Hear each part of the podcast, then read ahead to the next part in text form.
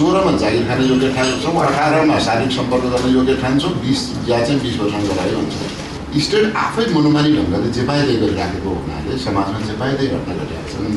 र विवाहको उमेर र साबलकको उमेरलाई पनि चाहिँ यसको लागि म्याचिङ गर्नु पऱ्यो यो दुर्व्यवहार बलात्कार सम्बन्धित मुद्दा घुमी फेरि फेरि पनि वैवाहिक सम्बन्धसँग जोडिनु पर्छ उहाँ हुनुहुन्थ्यो नेपाली काङ्ग्रेसका सांसद मिन विश्वकर्मा। गत असोज बीस गते प्रतिनिधि सभाको कानून न्याय तथा मानव अधिकार समितिमा बोल्ने क्रममा सांसद विश्वकर्माले यस्तो धारणा राख्नु भएको थियो। विवाहको लागि बिस वर्षको उमेर हद र सामाजिक मूल्य मान्यताको तालमेल नमिल्ने भन्दै उहाँले बहसको सुरुवात गर्नुभएको थियो। तराईका अधिकांश समुदायमा सोह्र वर्षमा नै विवाह गरिदिने सामाजिक परम्परा छ। परम्पराकै कारण कतिपय ठाउँका महिलाहरूले नै स्थानीय तह तथा जिल्ला प्रशासन कार्यालयमा कानूनले व्यवस्था गरेको विवाहको उमेर हद संशोधन गरिनुपर्ने माग गर्दै ज्ञापन पत्र समेत बुझाएका छन्।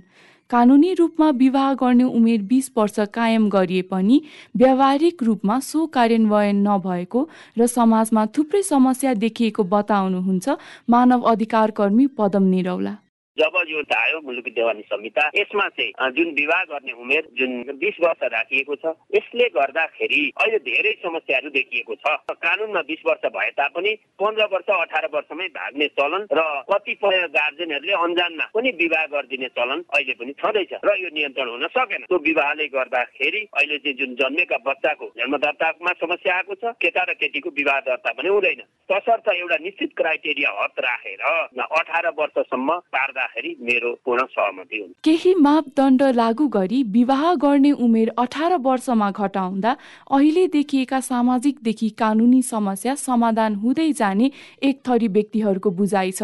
तर अर्को थरी व्यक्तिहरू उमेर घटाउँदैमा समस्या समाधान हुनेमा विश्वास गर्दैनन्।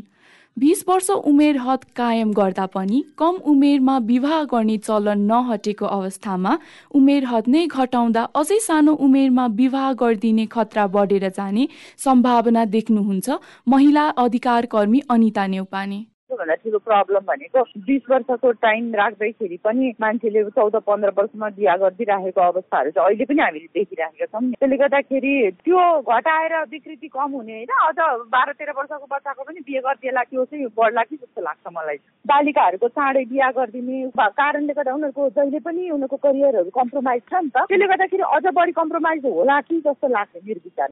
विवाहपछि महिलाको हक अधिकार तथा अवसर प्राप्त गर्ने विषय कमजोर मात्र नभई महिलाको समाज तथा घर परिवारमा दबिएर बस्नु परेको पनि देखिन्छ। तर पछिल्लो समय समाजमा व्याप्त रूढिवारी सोचमा परिवर्तन हुँदै जाँदा महिलालाई समाजले हेर्ने दृष्टिकोण फरक हुँदै गएको छ। कलिले उमेरमा विवाह गर्ने कानुनले बन्देज लगाएसँगै शिक्षामा महिलाको पहुँच बढ्दै गएको छ भने विभिन्न क्षेत्रमा रोजगारीको अवसर पनि उत्तिकै प्राप्त हुँदै गएको छ। यो अवस्थालाई ध्यान नदिई समाजमा विकृति फैलियो भन्ने दोष देखाई विवाह गर्ने उमेर घटाउनु कतिको जायज होला। यसबारे गम्भीर बहस हुन जरुरी छ। रेडियो क्यान्डिडका लागि दीक्षा डङ्गुल।